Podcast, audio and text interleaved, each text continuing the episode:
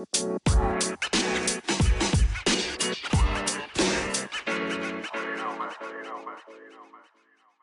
hallo en welkom weer bij een nieuwe Positief met Pubers podcast. Vandaag wil ik een uh, verhaal met je delen dat de moeder mij stuurde via DM. En het is echt wel een heel hartverscheurend verhaal. Maar uh, zowel ik als deze moeder hoopt dat, dat zij hier uh, um, moed uithaalt, maar dat dit ook een hart onder de riem is voor andere ouders. Nou, ik probeer het verhaal even een beetje in mijn eigen woorden te vertellen, waarbij ik dus later in de podcast ook mijn gedachtenspinsels met jullie ga delen, die nou ja, mogelijk helpend kunnen zijn. Uh, even in het kort. Weet je, als, als ouder van een, van een tiener of van de puber in de puberteit, um, nou begrijp ik dat er genoeg uitdagingen zijn en, en dat er soms hartbrekende momenten of hartverscheurende momenten zijn die gepaard gaan met, met hele mooie momenten. En ja, het mooiste is toch wel dat je je ziet opgroeien van, van kind naar volwassen, naar zelfstandigheid, naar hopelijk ook gelukkig zich kunnen redden in de maatschappij. Nou ja, alles wat je je, je kind daarin wenst. En um, het verhaal wat deze moeder mij stuurde, um, gaat daar ook over. Het is een verhaal over haar puberzoon van 18 en um, ze hoopt dus, zoals ik al zei, dat het anderen zal inspireren en troosten als ze zich in een vergelijkbare situatie bevinden. Excuus. Nou, ze vertelde mij dat het begon toen ze net verhuisde naar een nieuwe omgeving. En haar zoon ontmoette vlak na die verhuizing een, uh, een meisje. Nou, hij werd er verliefd op. En uh, nou, dat leek een heel leuk meisje, dus dat was helemaal prima. Nou, het was een charmant meisje, maar opvoeding verschilde aanzienlijk dat van de opvoeding van haar zoon. En haar zoon heeft zij opgevoed met duidelijke huisregels. En zij, uh, die vriendin, leken wat meer vrijere opvoeding te hebben gehad. En weet je, dat is helemaal prima. Maar dat betekende wel dat als ze bij hun thuis kwam, bleven die regels onveranderd. Waar, uh, ja, wat dan weer invloed had op, uh, op de relatie die zij had met haar puberzoon, maar ook met haar schoondochter. Dus daar waar de relatie tussen haar zoon en de, uh, schoondochter begon op te bloeien, voelde zij zelf dat, haar grip, dat ze grip een, beetje verloor. En nou, deze moeder geeft aan dat het eigenlijk van kwaad tot erg ging toen ze begon met het opeisen voor naar haar idee van steeds meer van zijn tijd en aandacht. En haar zoon begon zich tegen haar te verzetten. Berichten uh, die ze stuurde werden nauwelijks uh, nog beantwoord of alleen het noodzakelijk beantwoord. En ze kreeg ook berichten waarvan ze nauwelijks kon geloven dat het van hem was. En hoe meer ze probeerde hem aan te halen, hoe meer ze probeerde contact met hem te krijgen, hoe, hoe meer ze het gevoel kreeg dat ze, hij zich van haar afdreef. Met als resultaat dat ze haar zoon nu al een tijdje niet meer ziet en alleen via de app alleen noodzakelijke antwoorden geeft. Nou, en weet je, deze moeder die gunt die zoon alle liefde en ziet ook dat, dat, uh, dat verkering, dat het hem goed doet. Maar ze heeft dus wel haar twijfels over het meisje en de klik met het meisje. Maar dat zijn even mijn woorden op basis van dit verhaal. Nou, wat ik hieruit met je wil delen is dat een gemis van een kind, weet je, ik kan me niet voorstellen hoe dat moet voelen. En deze moeder geeft ook aan niets liever dan uh, niets liever te willen dan die vriendin van haar zoon in de armen te sluiten.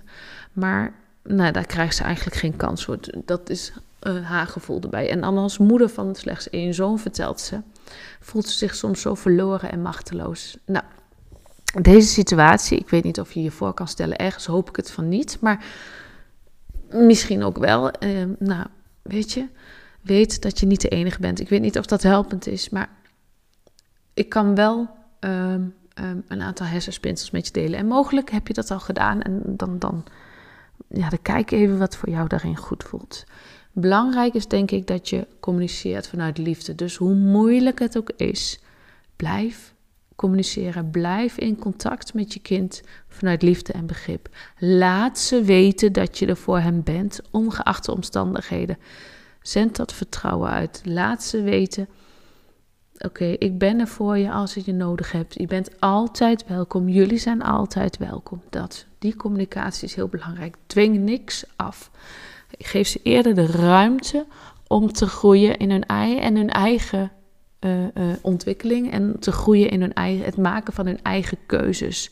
En soms moeten we als ouders dan wat meer achterover gaan leunen en in het vertrouwen gaan zitten uh, op de opvoeding en het vertrouwen in de opvoeding die we hen hebben gegeven, die je hen hebt gegeven. En mogelijk helpt het je ook, en dat heeft deze moeder ook gedaan, om hulp te zoeken. Dus praat met andere ouders, praat met vrienden of misschien praat met een professional als de, de situatie zo blijft zoals die is en jou dat ja, niet goed doet. Dus deel je ervaringen en, en vertrouw erop dat dat jou helpt, dat dat helend is, dat dat die, dat overweldigende gevoel dat dat vermindert doordat je erover praat. En, nou ja, met een professional, die, ja, die kunnen op bepaalde manieren je daarin prima helpen. Wat ik ook een hele belangrijke vind, bedenk ik me, is uh, dat, weet je, wij hebben geen rechte lijn in ons leven. Niet alles gaat goed. Uh, dus uh, we hebben allemaal wendingen die onverwacht zijn en die, nou ja, meest rare situaties tot gevolg hebben, de meest bijzondere situaties tot gevolg hebben. Dus blijf openstaan voor die verandering en wees bereid om jezelf tot op zekere hoogte aan te passen met in je achterhoofd je eigen grenzen. Uh, om om te gaan met deze nieuwe situatie, om die nieuwe situatie met je zoon in combinatie met die vriendin. Misschien dat dat wel weer komt, maar wat ik dus zou doen in zo'n situatie is hem laten weten dat je er altijd voor hem bent en dat hij altijd welkom is en dat zijn vriendin ook altijd welkom is. Dat deze keuze aan hem is en dat jij voor nu de bal bij hem legt. Natuurlijk zeg je dit dan in jouw eigen woorden. En daarna proberen in het vertrouwen te stappen. Dus wat ik al zei, iets meer achterover gaan leunen en vertrouwen op je eigen opvoeding. Vertrouwen dat het goed komt. En proberen los te laten. En terwijl ik dit vertel, besef ik mij dat dit echt hartverscheurend, hartbrekend moet zijn. Het leren loslaten met het weten en vertrouwen dat het goed komt. Oh my god, ik zeg dit wel, maar ik weet niet hoe ik in deze situatie zou reageren. Je moet, nee, moet niks.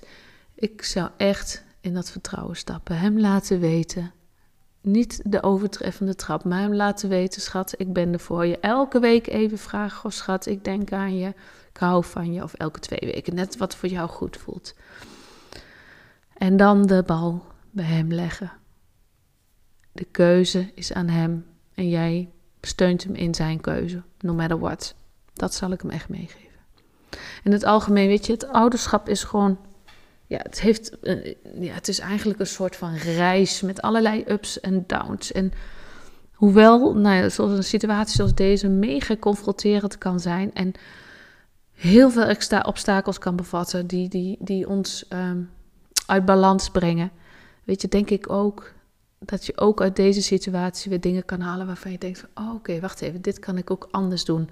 Dus leermomenten, groeimomenten, herstelmomenten kijk ook, probeer het ook eens op een positieve manier te bekijken. Dus de positieve insteek te pakken. Natuurlijk is de omstandigheden niks dan alleen maar negatief waarschijnlijk. Maar bekijk hem ook positief. Oké, ik gun hem nou die ruimte om zijn eigen keuze te maken. Misschien heb ik hem te veel bij me gedragen, want hij is immers mijn enige zoon. Weet je, op die manier. Kijk of die ruimte er nu ook is. Los daarvan dus dat dit sowieso een situatie is die je niemand gunt, die ik niemand gun. En ook deze moeder, ik heb er ook gezegd dat ik haar heel veel sterkte wens. En dat ik haar alle liefde en geluk wens met haar nieuwe samengestelde gezin, met haar zoon en met de vriendin van haar zoon. Al dan niet als ze samen blijven, dat weet je natuurlijk nooit. Nou, dat was hem voor vandaag. Ik hoop dat deze aflevering, op het moment dat ik dit zeg, denk ik, oh misschien is die best wel verwarrend geweest, maar ik hoop wel dat je er voor jou weer wat hebt uit kunnen halen. Wat, wat jij net op dit moment moet horen of mag horen. Als jij ook in het proces zit van je puber uh, is aan jou aan zich aan het afduwen. Neem deze punten dan ook mee. Communiceer vanuit liefde. Geef ruimte. Um, zoek steun als je het zelf nodig hebt. En blijf openstaan voor die verandering. Die punten die kun je natuurlijk ook op andere vlakken gebruiken. Als je te maken hebt met dat je puber zich uh, wegduwt bij jou dat, die, dat kun je altijd meenemen. Oké? Mocht je willen reageren, Mocht je een suggestie hebben voor de podcast, of mocht je net zoals deze moeder gewoon even wat willen delen of een vraag willen stellen, kan dat natuurlijk. Zoek me dan even op via Instagram en stuur me een DM. Ik beantwoord alle DM's, allemaal persoonlijk. Er zit niemand achter, dat doe ik allemaal zelf, want dat vind ik heel belangrijk. Wanneer je deze podcast waardevol vond, geef me dan even een hogere ranking in, in Apple Podcast of in uh, Spotify. Een paar seconden werk en daarmee help je mij en het groei van deze podcast enorm. Wil je hem delen, kan dat natuurlijk ook. Deel hem dan op je social media kanaal of met iemand die er wat aan heeft. Zodat we samen het leven van andere ouders en dat van andere pubers wat positiever kunnen maken. Dankjewel voor het luisteren. En heel graag tot de volgende keer.